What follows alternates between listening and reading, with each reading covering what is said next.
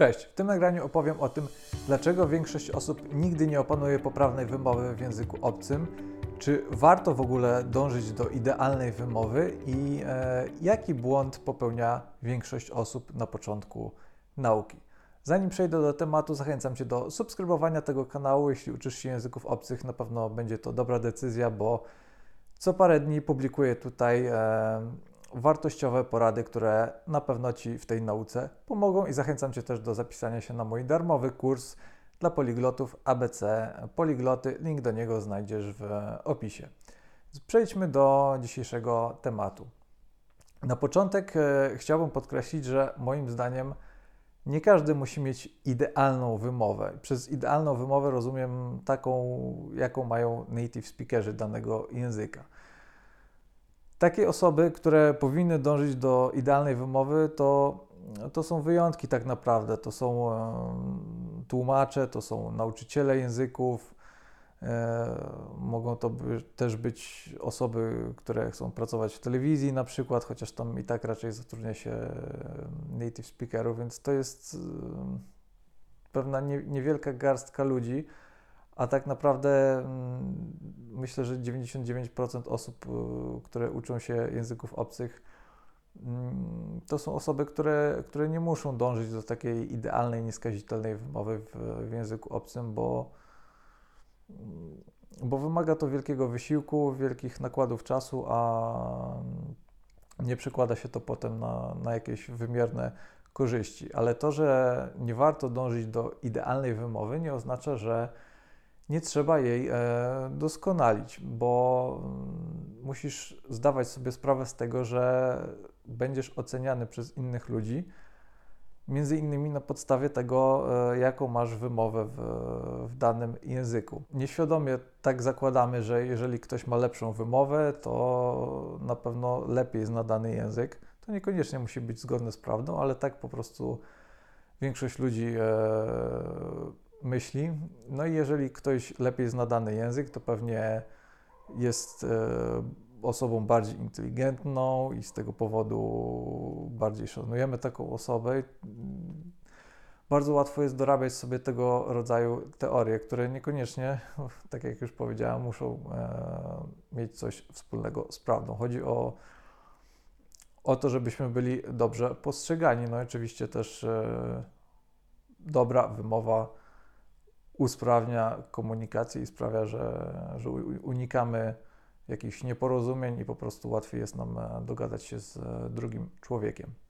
Zwróć teraz uwagę na to, jak e, bardzo często wyglądają początki nauki jakiegoś języka obcego. Często jest tak, że widzisz jakieś słowo, być może w tym słowie jest jakaś, jakaś dziwna litera mm, z jakimś, z jakimś akcentem, na przykład, którego nie znasz i pytasz e, swojego nauczyciela, czy to się czyta jak e, A czy E na przykład.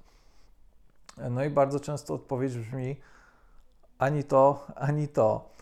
Jako przykład możemy wziąć nazwisko e, pewnego angielskiego piłkarza, który niedawno dostał polskie obywatelstwo i został powołany do reprezentacji Polski.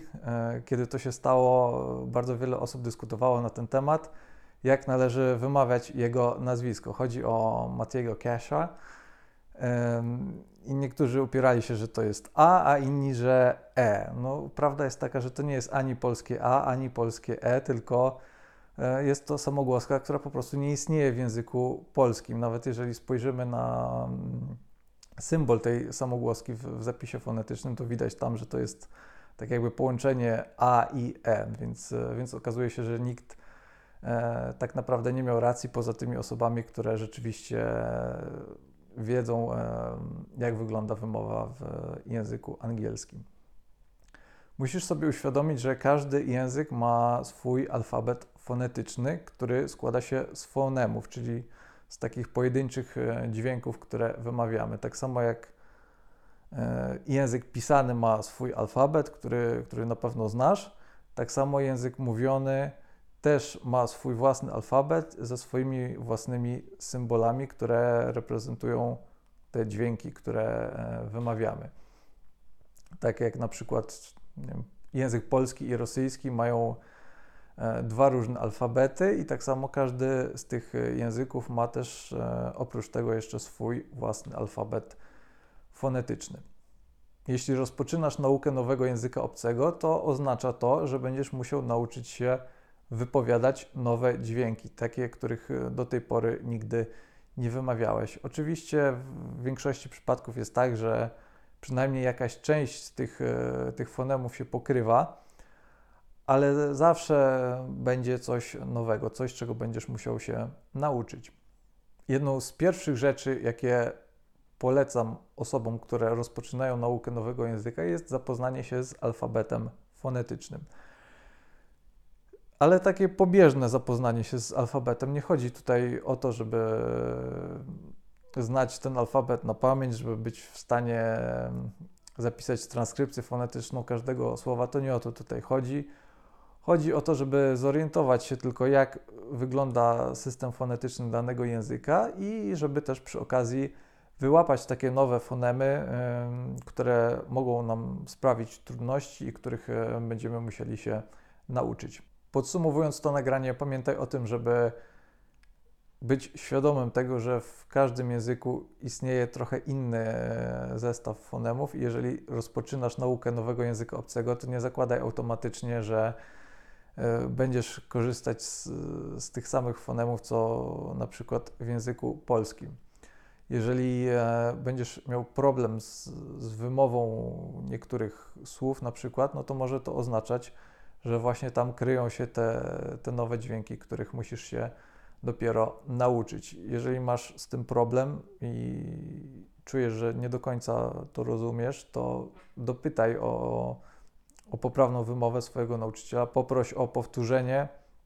Mm, staraj się jak najbardziej osłuchać z tymi e, nowymi dźwiękami. Możesz na przykład poczytać w, w internecie, jak wymawia się określone dźwięki. Są tam szczegółowe instrukcje, jak należy ułożyć język, y, usta i tak dalej.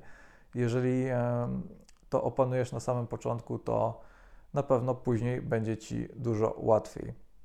W takich przypadkach e, bardzo fajnym ćwiczeniem e, są tak zwane minimal pairs. E, nie będę tego tematu poruszał, bo jest to coś dla osób bardziej zaawansowanych. Mówię o tym w, w moim kursie Nieustraszony Poliglota, do którego link znajdziesz w, w opisie. To by było na tyle, jeśli chodzi o e, naukę wymowy w, w języku obcym. Przypominam o tym, żeby zostawić subskrypcję na tym kanale i zapisać się na darmowy kurs, do którego link znajdziesz w opisie.